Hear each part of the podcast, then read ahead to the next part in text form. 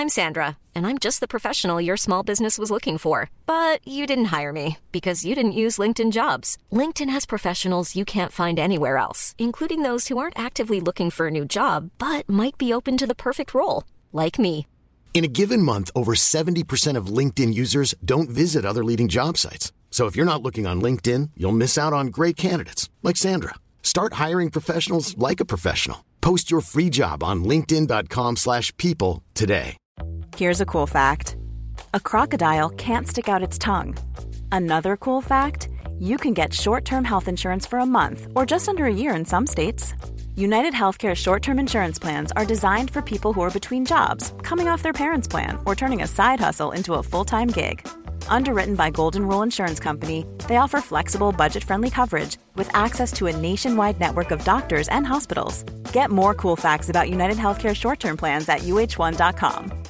This is Paige, the co-host of Giggly Squad, and I want to tell you about a company that I've been loving, Olive and June. Olive and June gives you everything that you need for a salon quality manicure in one box. And if you break it down, it really comes out to $2 a manicure, which is absolutely insane. It's also so easy to get salon worthy nails at home with Olive and June. The difference between how your nails used to look when you did them yourself and now with the Manny system is a complete game changer. The best thing about Olive and June too is it's a quick dry, dries in about one minute, lasts for five days, and full coverage in up to one to two coats. Visit oliveandjune.com slash perfect manny 20 for 20% off your first system. That's oliveandjune.com slash perfect manny 20 for 20% off your first system.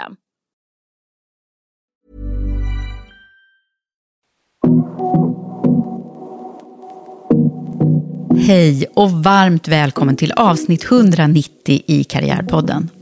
Innan vi drar igång vill jag stolt presentera Karriärpodden och Women for Leaders samarbetspartner Volkswagen Group Sverige. Tack för att ni gör det möjligt att sända Karriärpodden.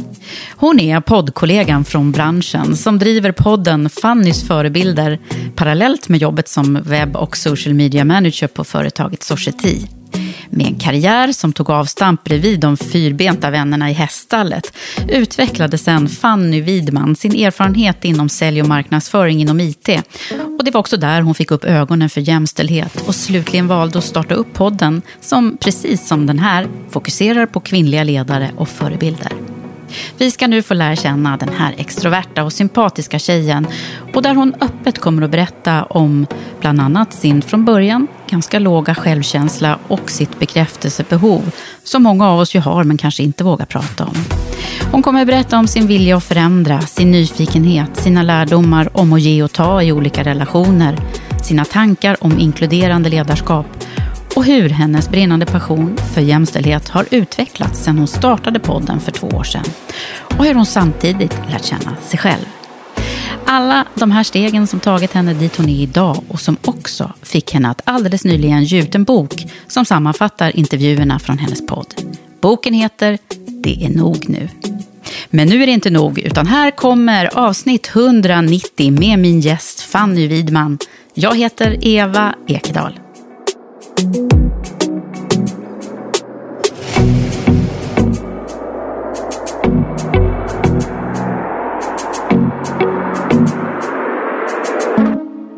Fanny Widman, välkommen till Karriärpodden. Tusen tack Eva Ekedal.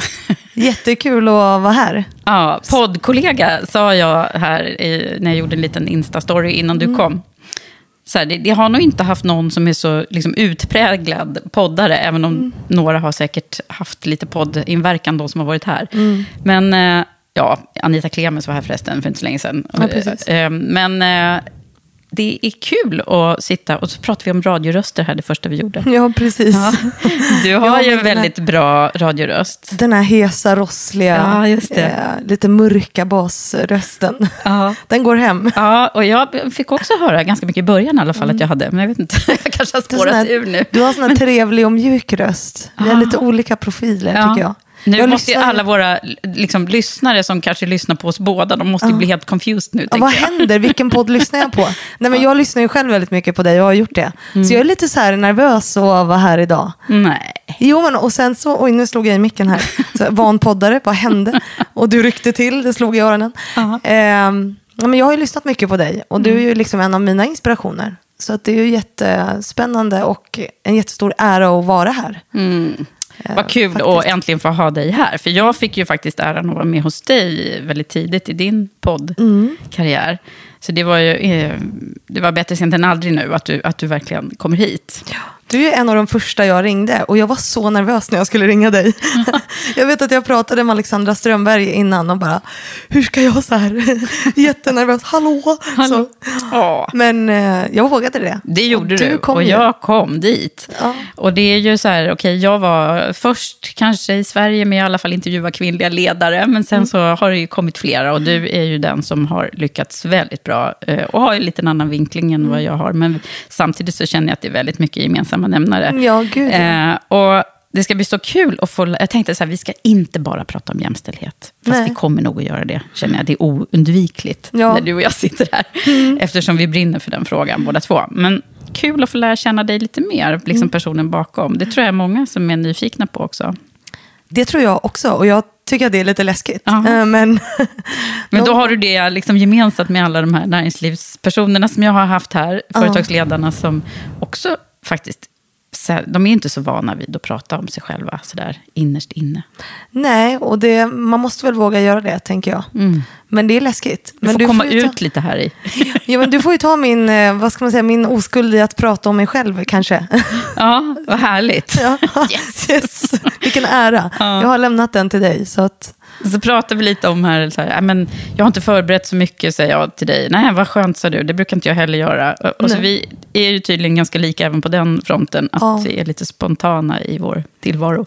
det är ju samtalet som är intressant, tänker jag.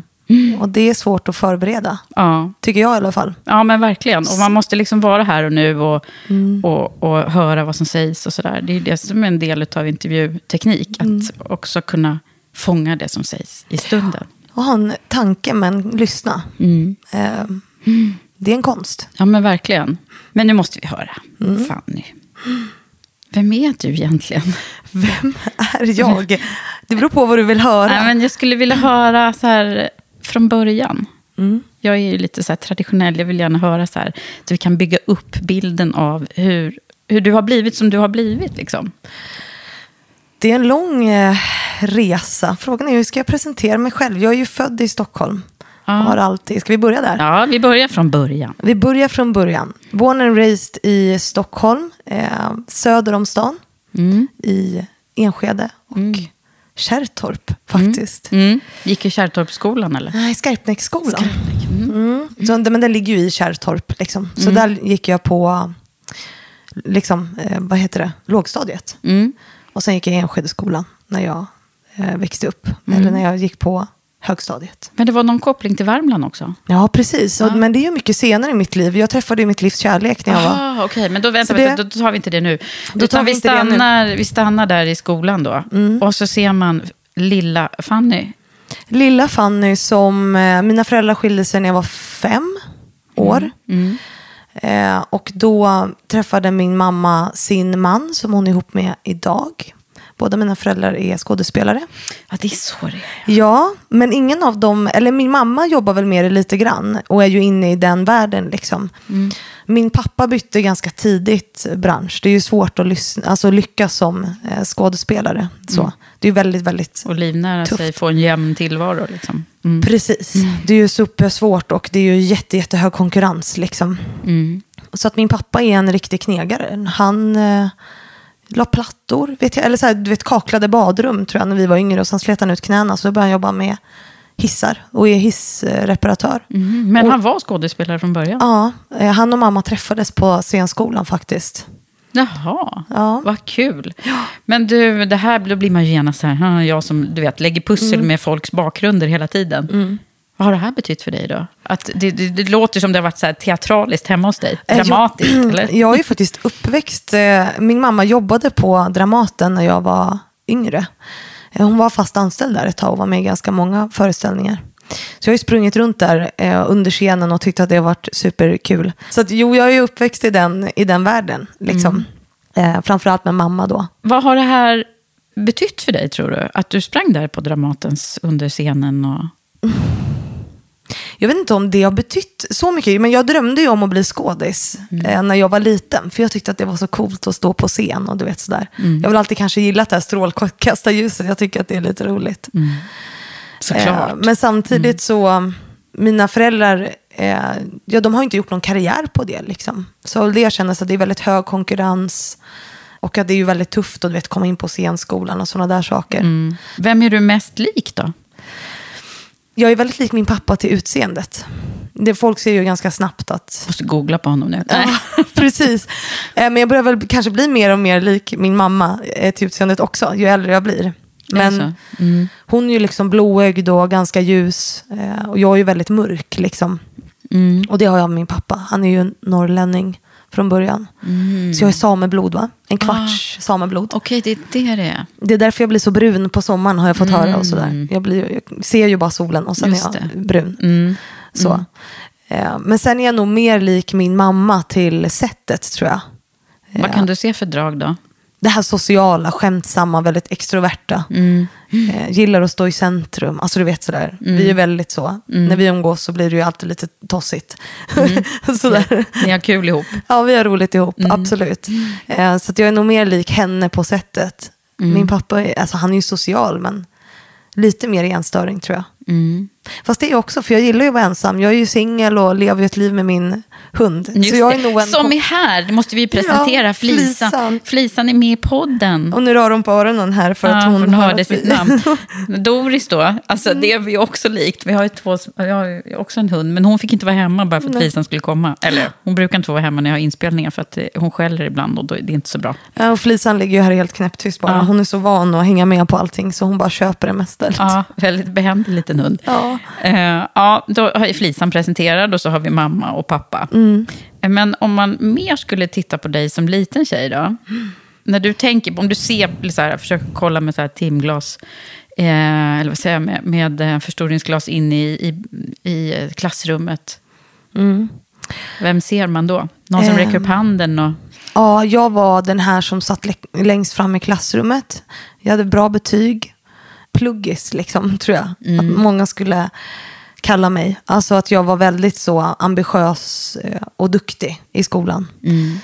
Satte väldigt hög press på mig själv. Jag kommer ihåg vi hade någon så här, på gymnasiet så hade vi någon prisutdelning på någon julavslutning där. Då fick jag pris för 100% närvaro. Och det var, det var ju nästan lite löjligt. Så här folk bara, oh men gud, liksom. vem är i skolan jämt? Du vet, ja, jag, Fanny Widman. Eh, jag var väldigt ambitiös, eh, väldigt duktig i skolan. Sådär. Inte MVG allt, men jag ansträngde mig väldigt mycket. Du ville bli bra. Ja, jag satte nog väldigt höga krav på mig själv tror jag. Mm. Var kom de ifrån då? Oj, vad svårt. Det är för mina kompisar har aldrig riktigt varit lika så. De har tagit det lite som det kommer. Eh, jag tror att jag har varit ganska osäker från början. Eh, I mig själv liksom. Jag har alltid eh, velat vara andra till lags. Göra bra ifrån mig. Jag har behövt mycket bekräftelse. Eh, så. så att när jag var yngre så var jag väldigt, väldigt osäker på mig själv. Vem jag var. Eh, vad jag skulle göra. Alltså vad andra tyckte om mig. Liksom. Jag tror att jag var väldigt mån om det när jag var yngre. Faktiskt. Har det blivit förändrat nu? Ja, det är nog något jag har lärt mig att hantera med åren. Och framförallt med den resan jag har gjort det, de senaste åren. eh, Har ju tvingat, eller tvingat mig, men gjort att jag har landat väldigt mycket i mig själv. Ehm, genom att lära mig om andra på något sätt. Exakt. Ja. Så kan det vara, man speglar sig ju andra. Jo men absolut. Och jag tänker att man också utmanar sina egna tankemönster. Väldigt mycket. Och när man, nu har vi inte kommit in på det, men eh, när man som jag då sitter precis som dig och pratar med massa människor, får in nya perspektiv, nya, syn, alltså nya synsätt på saker och ting, så måste man ju så hela tiden utmana sig själv. Och då tror jag också att man landar mer i sig själv på något sätt. Jag inte men så är det. Ja, men, eh, jag, tänker, jag har ju intervjuat folk i hela mitt liv och jag brukar säga lite skämtsamt att allt jag kan, det har jag lärt mig genom att lyssna på andra. Sen får man ju, som sagt, precis som du säger, man har ju liksom en egen kompass som, som man då får väga emot det här som man får i sig. Jo, men precis. Ehm, så att, ja, men det har varit en jätteresa att landa i mig själv på något sätt. Jag har varit väldigt, väldigt osäker. Och gjort mycket för att göra andra nöjda. Liksom, hela mitt... Eller det är väl något jag har kommit till insikt med nu. Att så det har varit en del av min personlighet. Mm. Liksom. Minns du liksom från de här, när du då drömde om att bli skådespelare från Mm. början? Alltså, när, när, när försvann drömmen? Eller liksom, när insåg du att du inte skulle satsa på det? Jag praktiserade ju så här på Uppsala stadsteater när jag var 14 och tyckte det där var superkul och jättehäftigt. Men sen när jag eh, blev typ 18, eller så, här, då gled jag in på sälj. Jag började ju med det väldigt, väldigt, alltså direkt efter att jag tog studenten. Och då insåg väl jag att jag hade talang för det. Liksom. Och det var väl någonstans där tror jag som det... Så jag kanske inte ska bli skådespelare, kanske ska bli sälj... Ja, men jag kanske ska satsa Säljare. på den här businessvärlden. Jag tyckte det var ganska intressant. Och så här, jag var väldigt duktig på sälj överlag. Så jag tror, att, jag tror att den där drömmen liksom eh, fasades ut successivt på något sätt. Jag kan inte komma ihåg att det var någon så turning point när jag bara, nej, jag skiter i det här. Utan jag tror bara att det blev så per automatik på något sätt. Du bara halkade in på det och så Ja, jag tror det. vidare. Mm. Jag fick ett jobb och jag tog det. Och på den vägen är det. Alltså det var liksom... jag, Men det här bekräftelsebehovet, det kände vi ju igen. Det har ju alla människor mer eller Ja. mindre. Men, men det är ganska intressant att titta på vad det, vad det, vad det står för. Mm. Har du gjort det någonting? Vad det står för? Nej, vad, hur tänker du då? Nej, men liksom, antingen är det så här, nej, men jag, jag, fick, eh, jag ville alltid ha mer kärlek av mina föräldrar. De var nöjda med mig när jag gjorde just det här, men de var inte nöjda med mig när jag gjorde det där. Har du något, något sånt där som du tänker? Nej, jag tror att de alltid har varit nöjda med mig. Jag tror att, alltså de så, mina föräldrar. Jag tror att det har handlat mer om min egen osäkerhet. Eh, och att istället för att bekräfta mig själv så har jag liksom behövt att andra gör det. Att andra säger att jag är bra. Liksom. För jag har haft ganska låg tro på mig själv. Och då behöver man utifrån bekräftelse. Och det behöver vi ju alla. Men kanske mer eller mindre liksom. Mm. Du, fyllde, du behövde fylla på, kan man säga då. Eh, jag brukar prata om så här, man fyller på sin tunna med eh, bekräftelse. Och då måste man se till att den där tunnan är hel. Mm. Och jag var väldigt dålig på att göra det till mig själv. Jag såg nog inte på mig själv som någon som var så särskilt bra eller du vet. Eh, så. Och då försökte jag fylla det med prestationer tror jag. Mm. Om jag ska reflektera tillbaka, och för det har jag ju funderat lite på innan jag skulle hit såklart. Så här. Alltså, vem är jag? Och det är väl det jag skulle säga så här, präglat mig längs vägen. Att jag inte har trott på mig själv så mycket. Alltså jag levde ju med min mamma tills jag var 15 då. Sen flyttade hon till Örebro. För att eh, hennes man fick jobb och har varit så här kultur, eller inte kulturchef, man var vd på Konserthuset och så, någon sån där titel i Örebro. Vad tog du vägen då? då? Då bodde jag med pappa. Hur De- var det då? 15 år och då fick du byta lite från mamma till pappa. Nej men det funkade bra. Eh, så. Jag kanske skulle ha åkt mer och hälsat på min mamma i Örebro än vad jag gjorde. Men jag tror när man är 15 så, är man nog lite upptagen i sitt eget liv och du vet man ska precis bli vuxen och sådär. Ja. Så att jag var väl inte där så mycket. Eh, var jag inte. Studierna då Fanny, då, då började du fundera över det? Eller fanns det liksom så här, nu ska jag plugga eller? Nej, nej, utan jag gick ju, eh, jag har ju alltid varit en idrottstjej.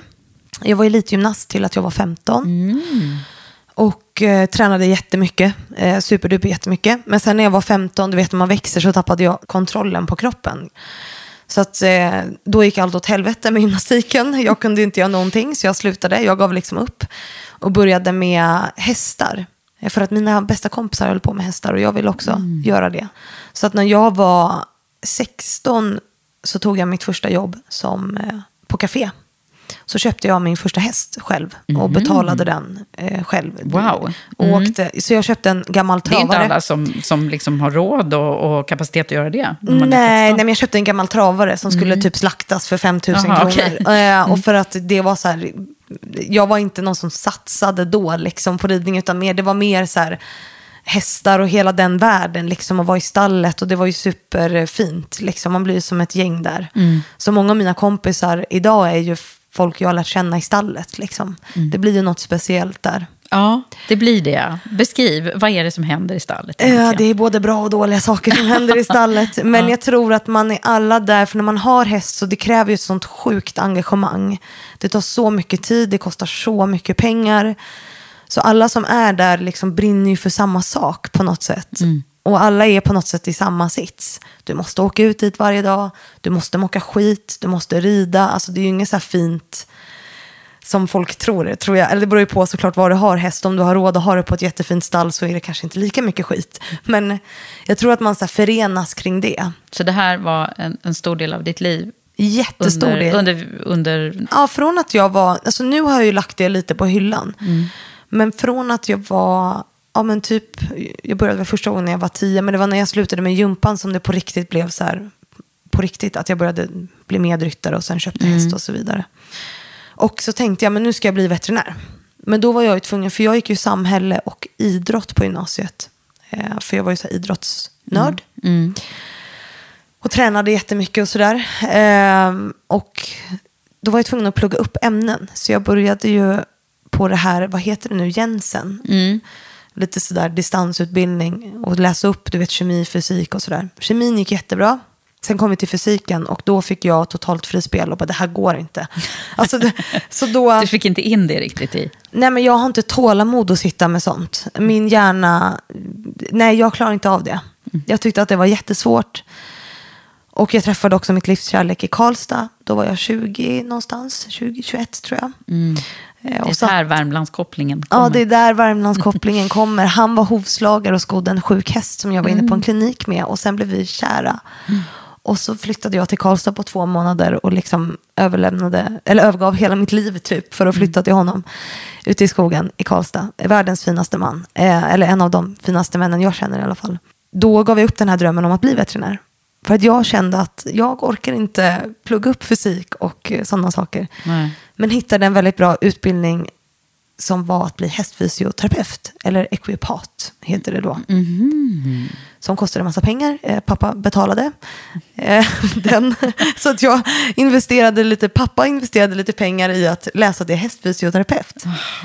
Så det gjorde jag i eh, två år. Två år? Blev ekvipat, ja. Vad gör man då? då? Man masserar, alltså de kallar det hästfysioterapeut men titeln är ekvipat då. Du lär dig, alltså dels allt om så här, hästens inre organ, muskler, så jag kunde ju alla muskler på hela hästen. Och då, hästar är faktiskt exakt likadana som människor, byggda.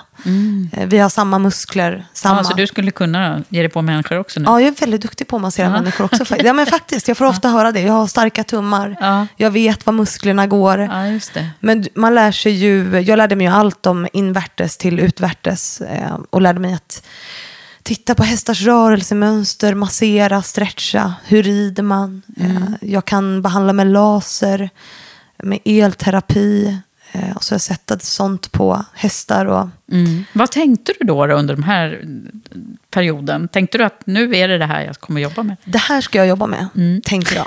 Eh, och, och Nu vet vi att det blev inte riktigt så. Det blev inte riktigt så. Men jag tänker så här, man testar ju saker och Ja. så, så kan man ju ha ett jätteintresse och så testar man det. Och eh, så funkar inte det. Ehm, och jag, alltså det gick ju bra för mig. Jag hade mycket kunder i Värmland och sådär. Men det är ju väldigt slitigt att vara hästfysioterapeut. Alltså det är ju inte så att du så här, går till jobbet en dag. Och, utan du, alltså jag hade ju, innan man lär sig tekniken, när man tränar upp sig, jag hade ju så ont i mina tummar så att jag vaknade och grät på nätterna. Jag hade så inflammation, alltså det är stora muskler. Det är inte Ah, så att du gud. Klappar lite. Nej. Du, det, Det är därför du har så en extremt liten hund nu, så du inte ska behöva... Ja, men precis, precis. Nej, men så det är ju ett jätte, jättetungt jobb. Liksom. Men sen så hade vi en veterinär som är en av de eh, bästa i Sverige. Superduper. Florian Lackner heter han. Jätteduktig. Han var på den här skolan och föreläste där jag pluggade. Och så frågade jag honom om inte jag kunde få komma dit. Och bara så här, för han är väldigt duktig, alltså ortoped. Jag frågade honom, kan inte jag få komma till dig ibland och, och titta när du jobbar, lära mig så här, och titta på hästarna, för det är ju supersvårt. Det är väldigt speciellt. Och se hur en häst rör sig med hela kroppen. Liksom. Så att han sa ja till det och jag började vara där en del. Så jag åkte från Karlstad till Göteborg. Jag pluggade ju också i Ullared. Så att I Ullared? Ja, Brev, så- brev eh, själva shoppingcentret. Ja, jag var där varje måndag faktiskt. Så vi var där så här fyra, fyra vet, dagar i månaden så var vi på plats och bodde liksom på internat och pluggade hela tiden och var ute och behandlade och sen var resten liksom hemma studier då. Men då åkte jag ju förbi Göteborg så då passade jag på att vara hos honom lite grann. Och eh, sen så erbjöd han mig ett jobb efter ett tag. Och bara, ska inte du komma hit och börja jobba liksom? Och jag sa ja. Tänkte, jo, men det gör jag. Så då flyttade jag till Göteborg. Och, och vad hände med Karlstad? Då eh, tog det slut. Då tog det slut. Mm. Ja, för då kände jag att eh, nej, men nu ska jag satsa på det här. Och, eh, mitt ex var, han var mycket äldre än mig och vi ville olika saker. Och just då ville jag ha barn eh, och han ville inte det. Eh, han var 20, är 20 år äldre än mig. Eh, Så att det var lite en sån där skillnad. Så då tänkte jag att nu satsar jag på den här hästkarriären och så flyttade jag till Göteborg. Och det var jättekul och jättelärorikt, men blev väldigt ensamt där. Och det var bara hästar hela tiden. Typ, jag hade två hästar på gården där jag bodde på rehab som jag tog hand om och liksom sådär behandlade. Och sen jobbade jag på den här kliniken kanske mellan åtta och på morgonen och sju på kvällen varje dag. Och så hade jag två hästar. Det var bara, bara, bara, bara hästar. Ja, det var jättetufft. Och jag satt ensam i en liten stuga ute i Landvetter. Och eh, hade inte råd att åka hem till Stockholm och träffa mina vänner för att jag hade hög hyra. Och sådär. Så hur var det här då för dig? Nej, men då kände jag att det här är inte det jag vill. Och det var intressant för att jag var ju aldrig särskilt bra på att vara veterinärassistent. förrän jag sa upp mig. Och kände nu ska jag flytta hem. Och då blev jag hur bra som helst. då, då släppte jag hela min så press på att jag var tvungen att vara bra. Bara, det spelar ingen roll nu för jag har sagt upp mig. Men gud vad intressant. Vad, vad, vad drar du för lärdom av det där då? Att jag alltid att jag sätter för höga krav på mig själv tror jag. Att det begränsar mig. Att det min- låser sig då liksom? Ja, jag vill vara så bra att prestationen blir sämre. Mm. Att jag tänker mer på hur bra är jag nu egentligen. Mm. Istället för att bara vara bra på det jag gör. Och trygg i att jag är bra på det jag gör. Ehm, Har du tänkt på det nu i podd, poddandet? Eller? ja, abs- ja, alltså det är någonting jag eh, lärde mig där och då. Att så här, jag kanske bara egentligen ska, Ska vara? ska vara och så här, släppa det här att jag måste vara så jävla bra hela tiden. Det där är väldigt intressant. Ja, det är jätteintressant. Jag tror det är Men- många som kan känna igen sig i det där. Att man, liksom, prestationen tar överhanden på något sätt. Ja, så att man begränsar sig i det. Bra att ha med sig den lärdomen när du tog dig vidare sen då. Ja, absolut. Eh, supernyttigt. Så då blev det tillbaka till Stockholm. Hem till stan igen. Hem till stan. Ja. Och en helt annan karriär. Ja. Eller tillbaks till sälj. Men det här är liksom fem år sedan. Det är inte så himla länge sedan. Nej. Det har hänt jättemycket i ditt liv de här senaste fem åren känner jag. Det känns som att det... För när jag tittar på ditt CV så bara, ja men då var hon ju där och sen gick hon dit. jag har ju hoppat lite. Ja, du har sökt lite här i, i de här under, under de här Ja. åren. Och liksom inte riktigt hittat rätt tror jag. Ehm, men det är också, många byter ju jobb nu hela tiden. Alltså, ja, det är ju inget konstigt i sig. Men, nya, men det var ju it-branschen generellt då va? Som, Ja, som precis. du hamnade i. Ja, då landade jag i it-branschen som, eh, först som så här, office coordinator. För då skulle jag bli marknadschef va? och plugga. Det var det du tänkte då ja. Då tänkte jag så här, nej men nu är jag duktig på sälj, jag vill jobba med marknadsföring, eh, det är något jag tycker är roligt. Jag har ju varit inom mediebranschen innan och sålt annonser och alltid tyckt att det är väldigt kul med marknadsföring. Eh, så då tänkte jag att jag ska börja på högskolan. Så då tog jag ett jobb, jag kände så här, jag behöver ett jobb där jag bara kan så här, lite, inte behöver tänka så mycket. Och det är inte så mycket krav på prestation, utan mest bara, gör det här, boom, boom. Så då blev jag kontorsansvarig på ett it-bolag till en låg lön. Och tog det jobbet med lite inställningen att så här, jag kommer inte vara här för jag ska söka till högskolan. Och gjorde det. Och kom in på högskolan. Och då sa jag upp mig från jobbet. Och sa så här, nej men nu jag vill jobba med marknadsföring och så här, så nu ska jag börja plugga. Var på min chef då sa till mig att, ja men ska du inte vara kvar här och jobba med sälj då så köper vi en utbildning till dig på IOM. Mm, det var så, Så- det blev i IOM. Ja, så fick jag den betald av dem.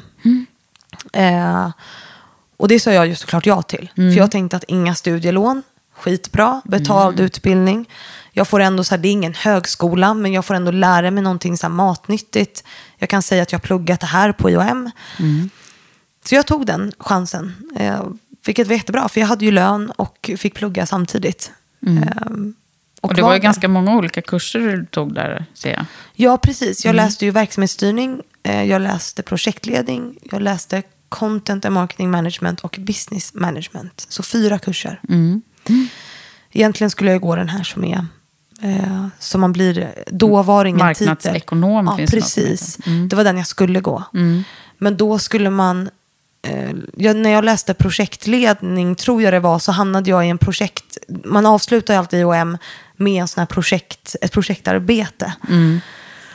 Och då hamnade jag i en grupp som, där det bara så inte funkade, vårt projektarbete. Det, det bara... Nej, det, det gick inte. Vi gick i clinch med varandra. Liksom. Mm, som grupp, liksom, Ja, som och det var individer. väldigt, väldigt jobbigt. Eh, jag, eller så här, det tog mycket energi från mig. Och det här sista delen på IOM som heter business case tror jag, då är det ju så här typ sju månaders projektarbete Mm, eller något sånt där. Mm. Och jag bara, nej jag orkar inte det här. Och plus att jag ville läsa content and marketing management. Så då valde jag att göra fyra kurser av det istället för Istället att gå för. Mm. Då de två jag. åren. Mm. Eh, och var där. Så att jag jobbade ju kvar på det där stället som köpte den kursen till mig. Mm. Och sen slutade jag. Tack för mig. Ja. Och så Hur drog- var det då?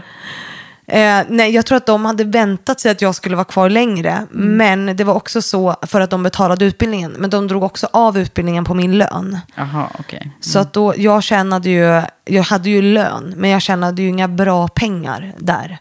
Så att jag, jag kände att nu har du, vi ändå sagt att så här, vi drar av de här procenten på din lön och så får du den här utbildningen. Då tycker ju jag att jag betalar tillbaka den.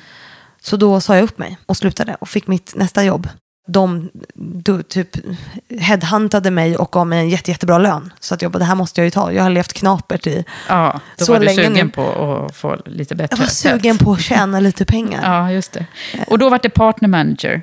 På Giosk, ja. ja.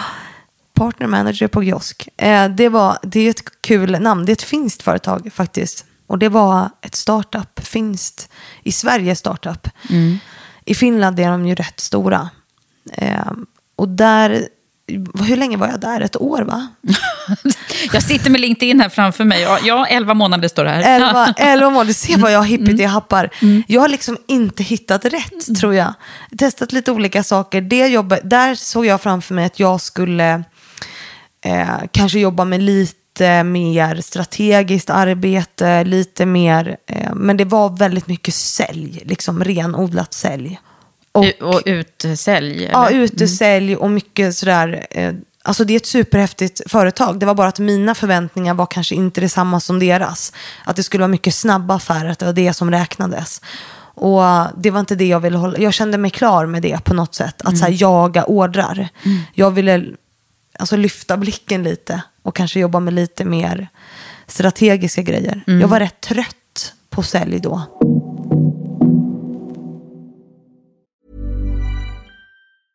A lot can happen in the next three years. Like a chatbot may be your new best friend. But what won't change? Needing health insurance. United Healthcare Tri Term Medical Plans are available for these changing times. Underwritten by Golden Rule Insurance Company, they offer budget friendly, flexible coverage for people who are in between jobs or missed open enrollment. The plans last nearly three years in some states, with access to a nationwide network of doctors and hospitals. So, for whatever tomorrow brings, United Healthcare Tri Term Medical Plans may be for you. Learn more at uh1.com.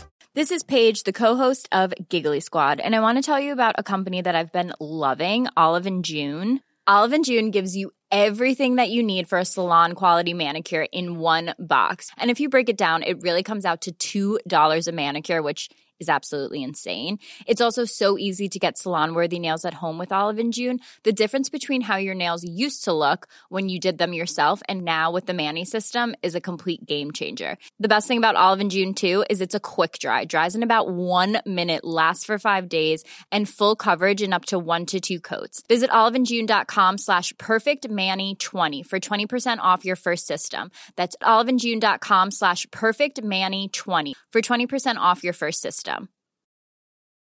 When you're ready to pop the question, the last thing you want to do is second guess the ring.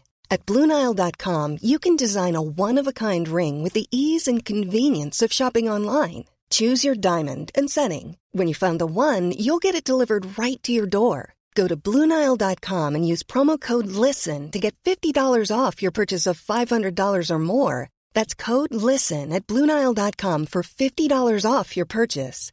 Bluenile.com code LISTEN.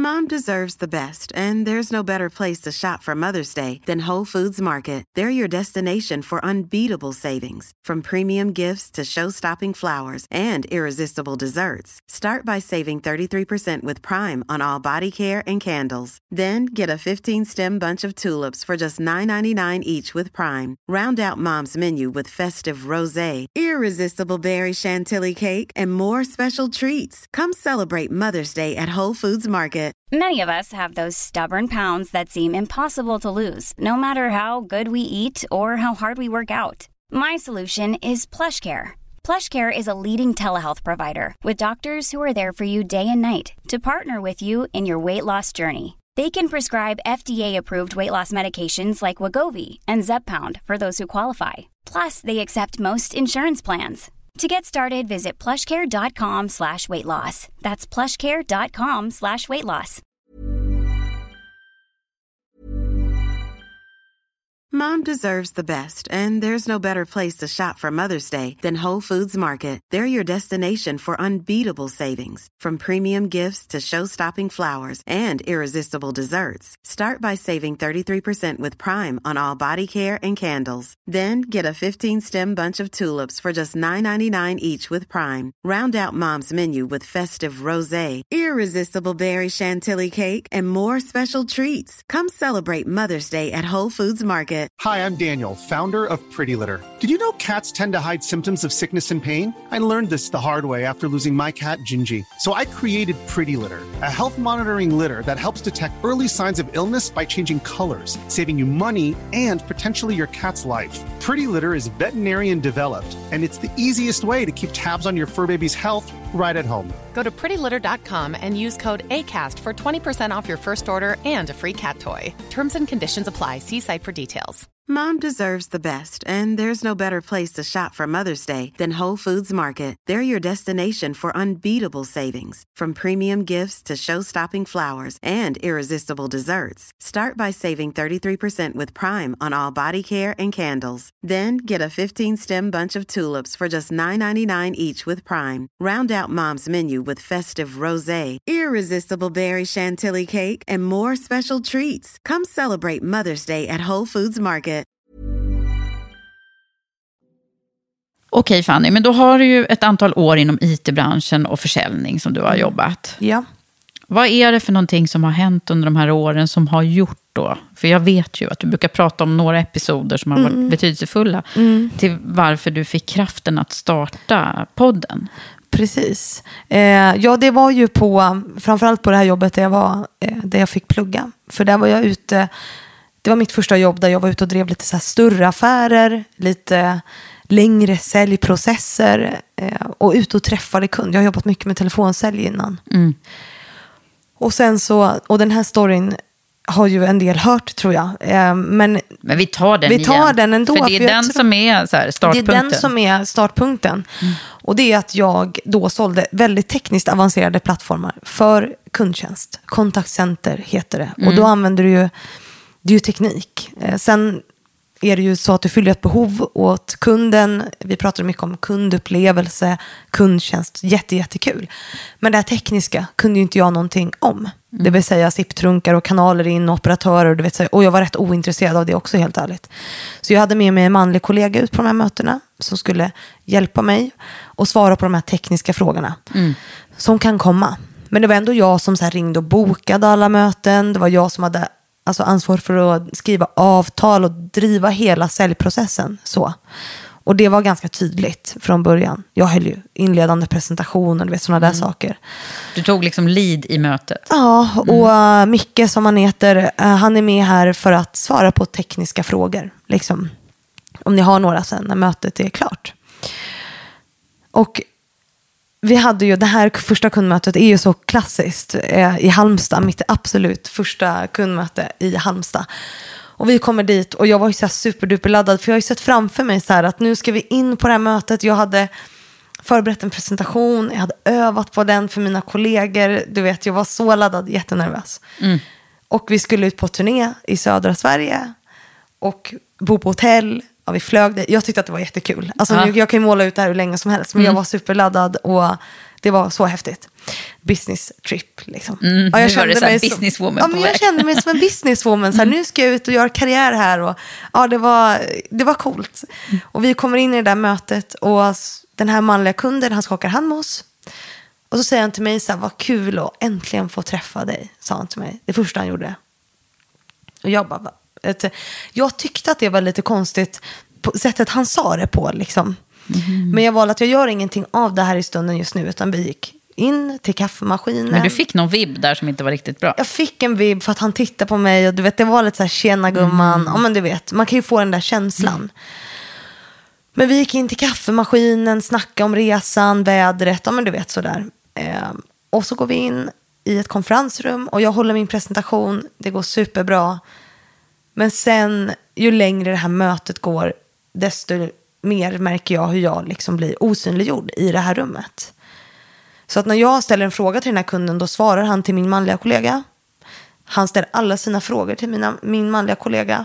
Och han satt och tittade på mina bröst i typ en timme. Och till och med min manliga kollega, alltså Micke då, han blev lite så här obekväm.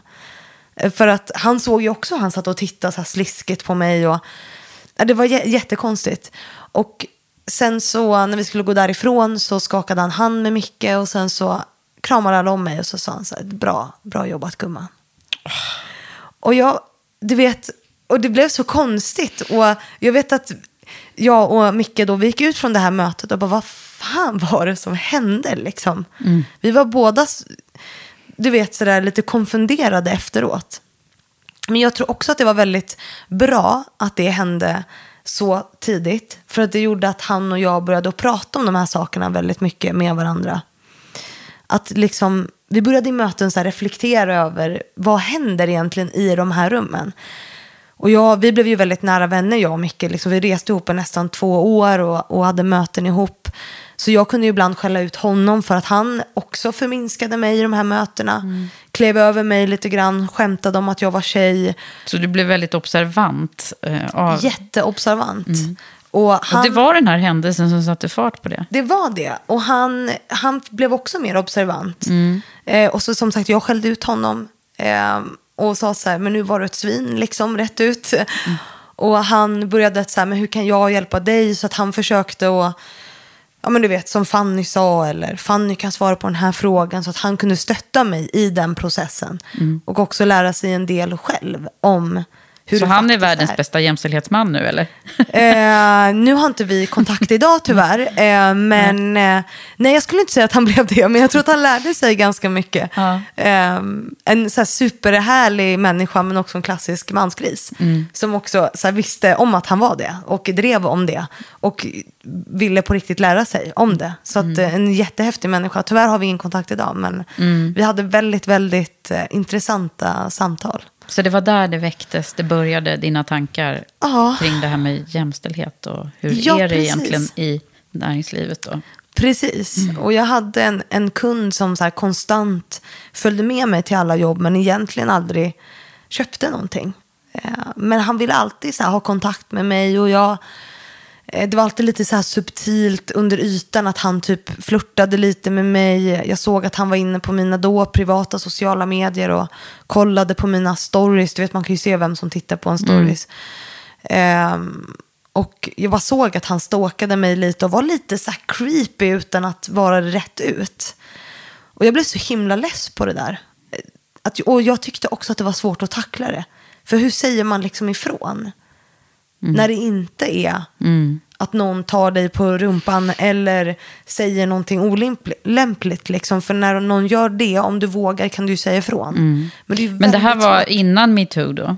Eh, Eller hade, nej, var det, nog hade nog hänt, ja. så du hade också liksom det massmediala i det här nu med dig. Ja, men precis. Jag tror att vi alla började ju verkligen fundera över både situationer och Ja. händelser som vi har varit med om och också som, som händer. Ja, och så helt ärligt så var jag rätt så ointresserad av jämställdhet när jag började ställa mig de här frågorna. Jag, det var inget intresse jag det tycker hade. jag är så intressant. Du, du säger att du liksom inte var det innan du startade Nej. podden. Jag ville göra karriär. Jag ville veta Du vill hur... egentligen starta Karriärpodden. Nej men precis. Nej, nej men, ja, fast, ja, fast jag lyssnar ju på din podd Mm. eh, och sådär. Och jag ville göra karriär. Hur fan ska jag kunna göra det? Jag hittade ju din podd när jag började göra research. Vad finns Mm. det för poddar och du vet sådana här saker. Ehm, och lyssnade ju jättemycket på dig då. Jag tror jag gick en hel sommar och bara, hmm, du vet så här. Började, och superbra och blev jätteinspirerad.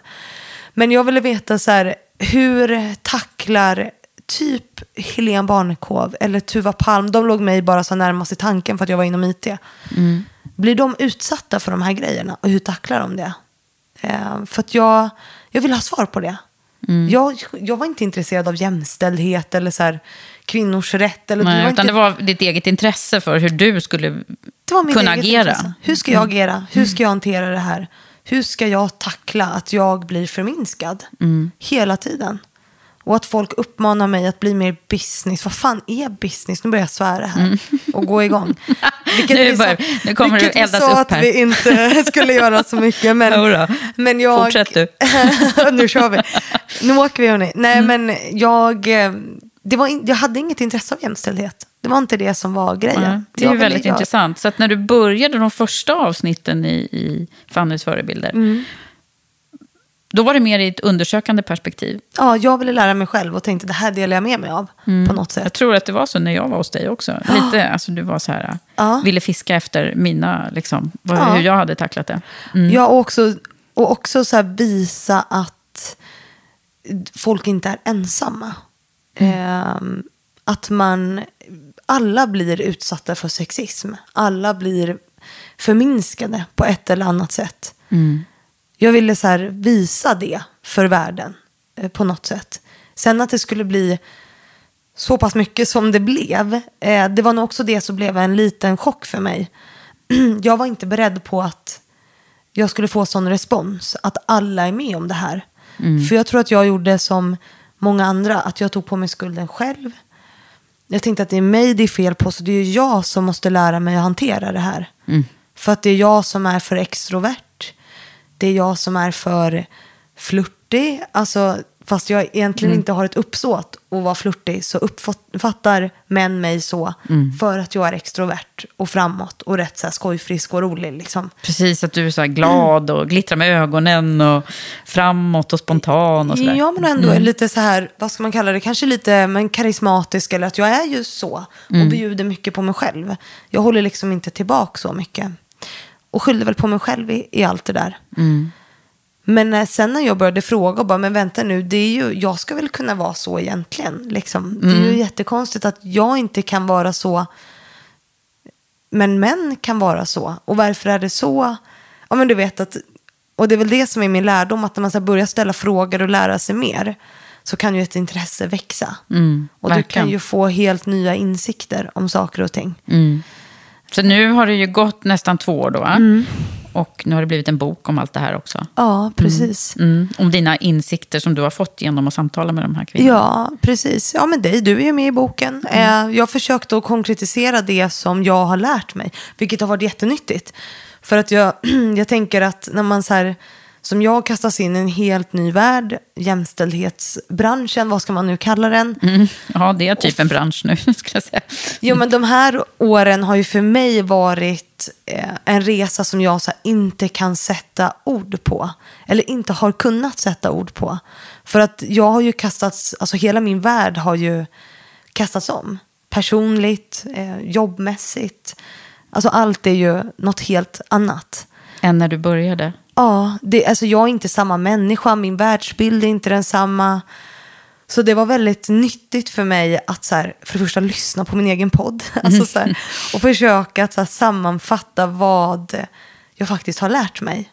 Och vad mina gäster faktiskt säger. Eh, det Vad var har hänt med dig personligen då? vad har inte hänt?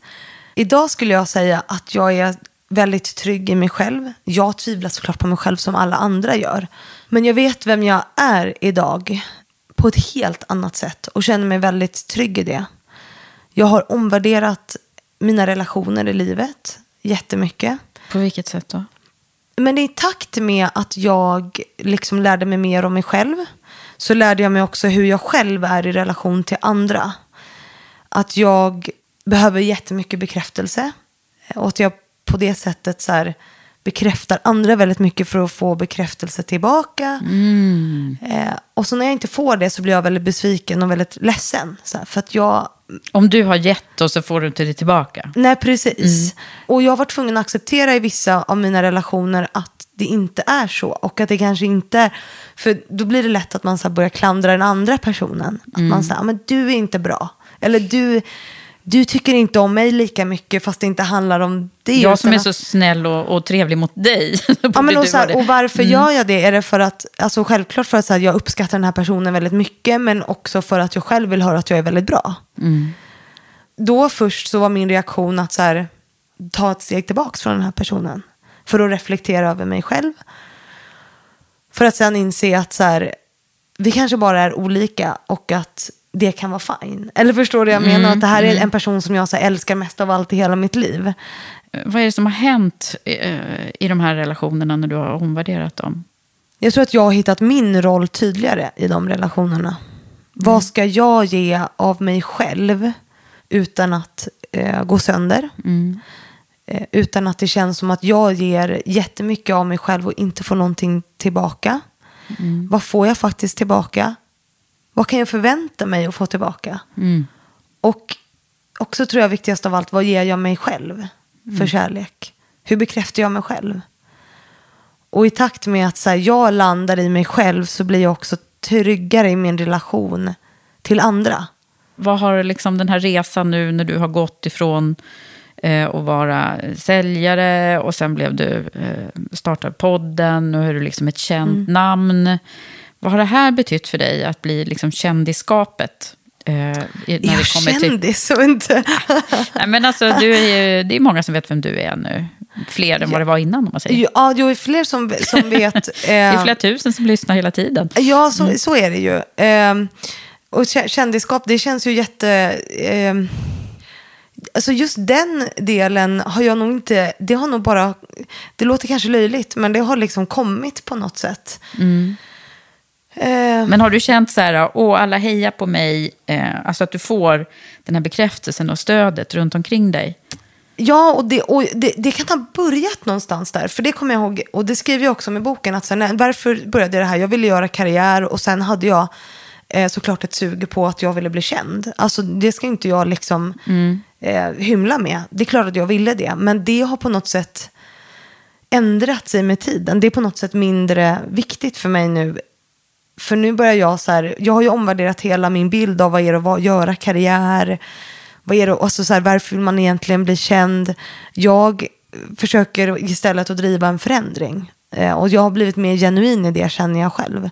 Och tagit på något sätt ett kliv tillbaka ifrån mig själv. Förstår du hur jag, Hur jag menar? Det är liksom saken som är viktigare än din det personliga inte om, resa. det handlar inte om mig. Det handlar om en förändring. Eh, mer än att det ska handla om mig. Men den här här, starka eh, feminist och, och kvinnosakskämpen i dig då, Mm. den fanns alltså egentligen inte innan på samma sätt. Nej, och det är en sån här lärdom som jag tycker att många kan, eh, många kan dra, som jag drar av mig själv. Det är att här, om man är nyfiken på människor generellt och vill lära sig, så öppnas ju nya perspektiv.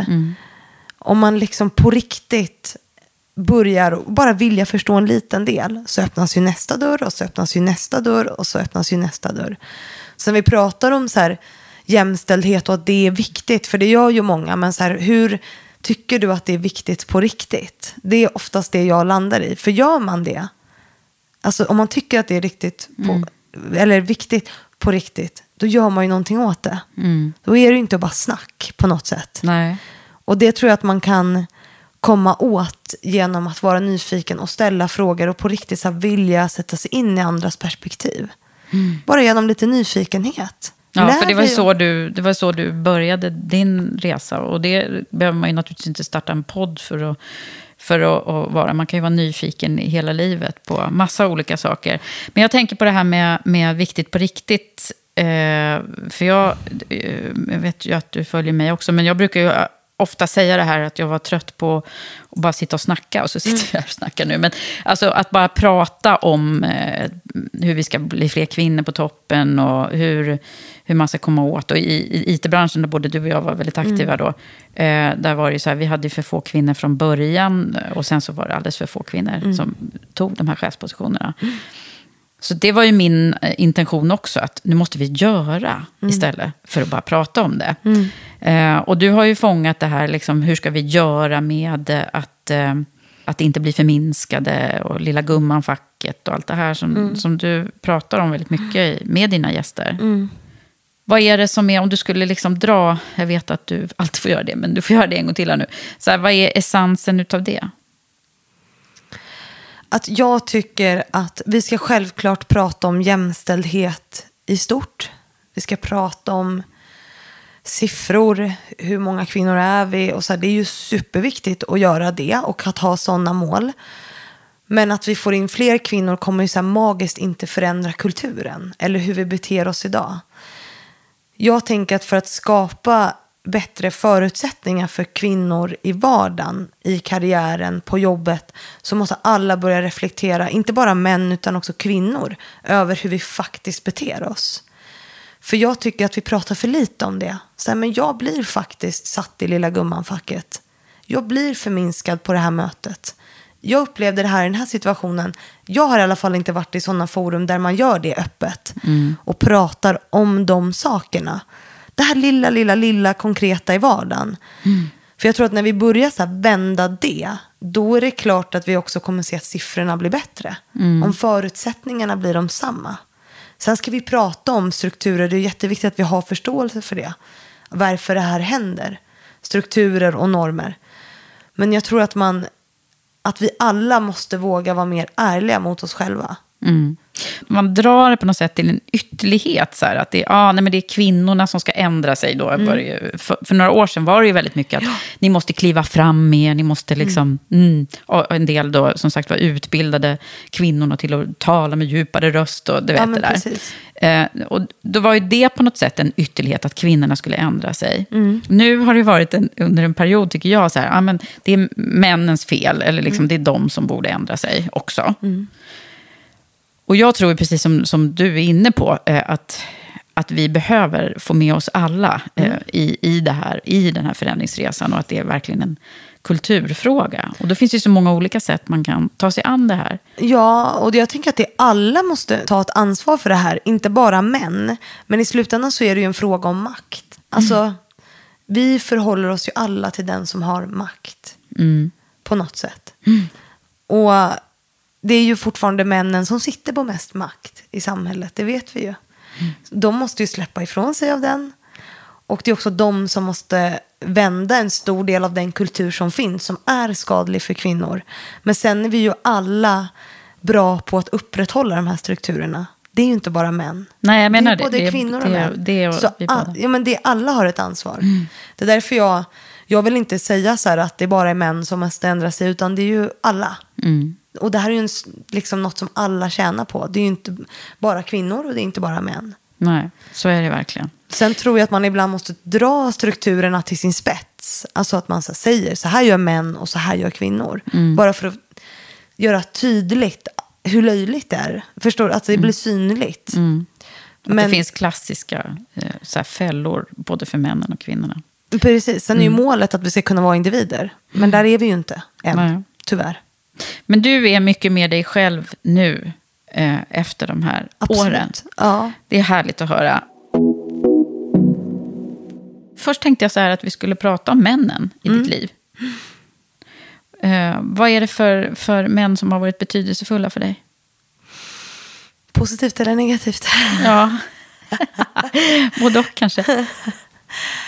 Micke som jag var ute och reste med, det är klart att han har varit väldigt avgörande för mig. Eh, på det sättet att han och jag lärde oss så sjukt mycket ihop om det här. Eh, vi utforskade ju den här frågan tillsammans och bollade väldigt mycket ihop. Eh, så det är klart att han har varit, eftersom han också haft en väldigt så, tydlig roll i hela den här resan som jag har gjort. Vi startade ju den tillsammans på något sätt. Negativt så har jag ju eh, haft en chef som har gett mig väldigt, väldigt bra, eh, nu ska inte jag namnge någon, men gett mig väldigt bra exempel på hur man inte ska bete sig. Till exempel att säga till mig att så, du kan inte vara dig själv för då kommer alla vilja ligga med dig. Eller så men Fanny, det fattar du väl att du måste tona ner dig själv. Du måste bli mer business. Det är samma chef som har sagt de här sakerna. Det var också han som skämtade om att så kvinnor ska ha små fötter för, för att få plats vid spisen. Och du vet, sådana skämt vid lunchbordet. Så att han har ju format mig på det sättet att jag så här, eh, ja, det- här är kanske liksom, eh, han är ju superbra för han ger mig massa bra exempel på hur det inte ska vara. Exakt. Så, Ja, ja, på det man- sättet Vissa få, är liksom utsända för att man ska här, kunna lära sig någonting av hur det inte ska vara. Ja, men precis. Mm. Ehm, sen så ehm, har jag en... eh, Nu vet inte om jag ska... Jag har en till chef som också var väldigt eh, dålig. Som också har format mig, tyvärr en man. ehm, som eh, var väldigt konstig. Han sa till, till mig att han var väldigt bra. Och han målade upp sig själv på ett sätt som var så här. Jag bara, den här personen måste jag jobba med. Och sen kom jag dit och så var han allt det här som man inte ska vara.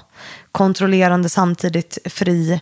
Eh, skämtade om att så här, nu får du inte skaffa barn på några år Fanny för nu jobbar du här och du vet sådär. Eh, positivt eh, skulle jag säga Stefan Alariksson som har varit här. Eh, har haft jättestor inverkan på mitt på min syn på saker och ting. Väldigt bra person som, han var ju med i eh, en panel i en livepodd som jag hade. Och efter det så har ju han och jag setts ganska mycket och liksom pratat. Och det har varit väldigt nyttigt för mig att prata med en man som är klassisk eh, karriärman i kostym, macho. Du vet, han är ju allt det här som man ser framför sig. Du känner ju också honom. När man ser framför sig en chef så ser man ju så här Stefan Alariksson, vit medelålders man, eh, pondus, Vd på Dell Sverige. vd på Dell och samtidigt så här helt fantastisk. Eh, och någon som så här vågar rannsaka sig själv. Så han har varit superviktig för mig. Eh, Så reflekterande män behöver vi ju ha, tycker jag. Ja, Eller han hur? har varit avgörande för mig den senaste tiden eh, faktiskt. Och har lärt mig mycket. Eh, Vad bra. Ja. Vi behöver fler sådana där tycker jag. Och jag tänker att du ska nu få en fråga ifrån min samarbetspartner som jag Ja. skickar med varje gång. precis. Och det är, passar så bra nu tycker jag. Eh, för att eh, det är ju då Volkswagen Group Sverige som, Mm. som är min samarbetspartner. Och de skickar alltid med en fråga som är så här. Mm. Vad är ett inkluderande ledarskap för dig? Alltså kan du ge något konkret exempel på någon situation eller vad det betyder för dig? Konkret exempel på ett inkluderande ledarskap. Eller jag skulle säga för mig är ett in- inkluderande ledarskap att våga lyssna. Att eh, mer, lyssna mer än vad du pratar. Eh, och så ska jag ge något konkret exempel på det. Gud vad svårt. Jag har inte haft så många bra chefer. Nej, jag tänkte det. Du tar några. Men, men eh, du pratade om Stefan här, men det kanske, du har inte liksom jobbat med honom så. Nej, men jag har ju en jättebra chef nu som är Therese eh, Sinter. Som är min chef på Society. Eh, Men hon är ju väldigt bra på det sättet att hon hela tiden tar hänsyn till mig. Och, och det är ju också att inkludera och liksom utgå ifrån min situation när det gäller så här, vad jag jobbar. eh, Hur jag jobbar, vilka tider jag jobbar, vad jag gör. Hon är ju väldigt så här, förstående. Du jobbar när du vill och bara du gör det du ska, du vet sådär. Och det är också inkludering att ge att de anställda rätt förutsättningar från den situationen man har i sitt liv, tänker jag. Hon Så vet att jag. Mm. jag kan inte jobba 8 till 5. Jag måste ibland jobba mellan 7 och 9 på kvällen och ibland mellan 8 och 10 på morgonen. Alltså så här, att hon, och hon förstår det. Och det är inga konstigheter. Hon är ju en jättebra chef på det sättet. Mm, att hon ger frihet under ansvar. Ja, och det är ju inkludering. Och att ta hänsyn till allas perspektiv. Och allas verklighet, Verkligen. tänker jag. Och det är hon väldigt, väldigt bra på. Fanny, nu tänker jag så här, vi har ju pratat lite grann om dina toppar och dalar, men kanske om jag skulle fråga dig så här, vad har varit det svåraste som du har varit med om i ditt liv? Oj, det svåraste, jag, personligt eller, eller Mm, du får eh, välja när jag säger så. jobbmässigt? Gud vad svårt. Jag, jag, jag skulle säga att det är att tycka om mig själv. Mm. Skulle du ha träffat mig för några år sedan så hade du nog inte sett samma person som du ser idag. Mm. Det har varit min eh, största utmaning. Att säga, men jag är bra som jag är. Liksom. Mm. Jag har kämpat jättemycket med det. Så det är det här självförtroendet som... Ja, självkänslan självförtroende kanske. och självkänslan. Eh, Jag har varit så otroligt osäker och slagits med jättemycket demoner eh, om mig själv och synen på mig själv. Som jag känner att nu så här kan jag hantera det och det är jättehäftigt att göra det. Vad skönt. Och känna att man är där. Och vad är det för någonting som har, som har gjort då konkret att du har förändrat den här synen på dig själv? Den här podden. Det är podden. Eh, gud, nu börjar jag nästan gråta. Mm. eh, för att det är häftigt. Den här podden har ju liksom förändrat hela mitt liv. Gud, nu börjar jag gråta. Gud, Mm. Ja, men gör det. Ja, Du ehm, får. Här ja, får jag man får det. det är många. Jag brukar säga så här att alla poddavsnitt som jag har gjort som innehåller både skratt och tårar är de som är bra. Ja, men för nu börjar jag gråta därför att eh, det, det, alltså det har förändrat hela mig. Jag vet inte hur jag ska säga det på ett bättre sätt. Och jag tror att det är för att jag har så här, klivit ur mig själv på något sätt. Och så slutat att se på mig själv. Eller jag, jag vet inte hur jag ska sätta ord på det bättre än så. Det, är, det är så häftigt. Och jag tror att jag har landat i det nu. Att så jag, hur mycket det här har förändrat mig. Eh, det ligger så sjukt mycket hårt jobb bakom. Så, men det är jätte, jättehäftigt. Eh, Men det är fantastiskt. Och, och, och då tänker jag så här. Eh, du har satt andra i centrum. Eh, och då har du funnit dig själv lite. Det, Jag gör ju också det, som du vet. Men det handlar ju rätt mycket om att, att ha lite självreflektion hela tiden. När man gör det här. Så att man inte gör det därför att man vill lysa själv. Nej. Förstår du vad jag menar? Utan att man låter verkligen andra få skina. Ja, och det har varit jättehäftigt. Och, och jag tror att många kan så lära sig av det.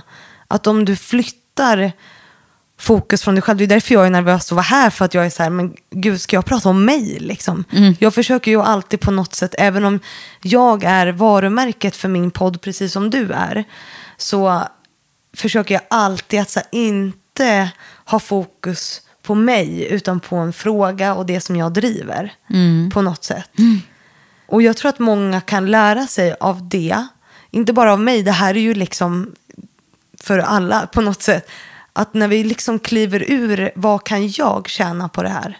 Så kommer du så här tjäna allt på det, på något sätt. Jag tror att det är, för vi är så himla, man är alltid så himla egocentrerad och så här, vad kan jag vinna på det här? Vad tjänar jag på det här? Vad kan jag få ut av att göra det här för dig? Istället för att bara, nej, inte ett skit kanske. Men det kommer att löna sig i slutändan.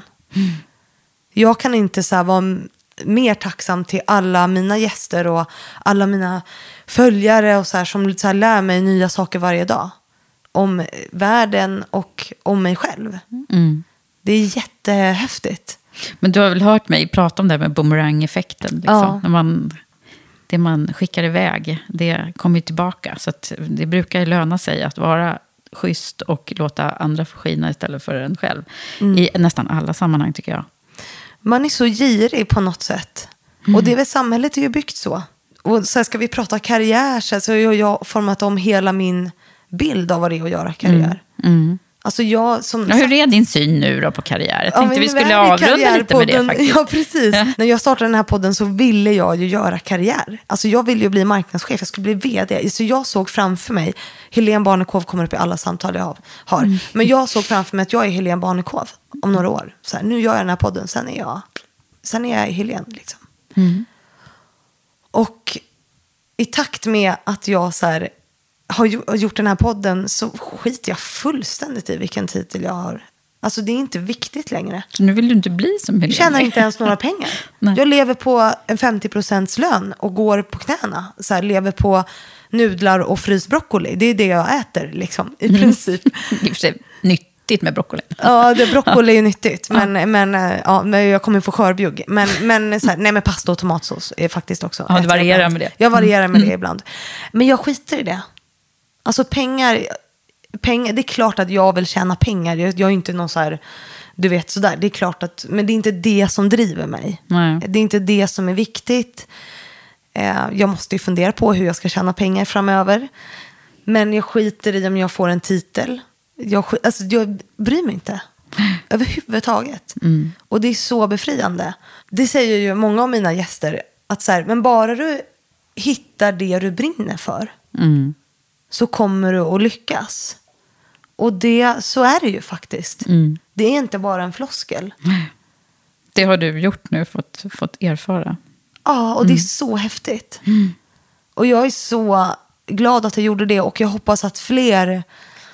Så här, sen behöver man ju inte kasta sig huvudstupa ut och göra värsta grejen. Det kan ju vara enkelt, men att man så här... Tänk vad många som går till jobbet och bara går dit för att få en lön. För att det var tråkigt. Och jag tror att det är många som gör det. Absolut, men Eller lever, vet. för semestern. Liksom. Ja, men hade jag semester senast? Jag tror tre dagar tror jag är jul. Alltså så här, men det, eh, och alla bara, du jobbar så mycket. Ja, fast det känns inte som att jag jobbar. Sen blir jag trött och ibland, du vet, "Ugh", du vet, vill kräkas. Men, eh, och det blir vi ju alla ibland. Det är inte så att någon supermänniska går runt och varje dag bara, fan vad jag är bra, fan vad kul det är idag. Det finns ju surdegar i allt. Men att, Men jobbet har blivit din passion. ja. Eh, och det där känner jag igen jättemycket, för det är så för mig också fortfarande. Mm, Men man får ju liksom ta hand om sig lite där så att man inte bygger in sig Ja, i sitt jobb allt för mycket. Nu säger jag det av egen lärdom nämligen. Ja, ja, ja. Så här, jag som, vi, vi pratade om det innan här, att jag är ju väldigt många år äldre än vad du är. Mm. Och att vår liksom, syn på karriär kan skiljas åt ganska Mm.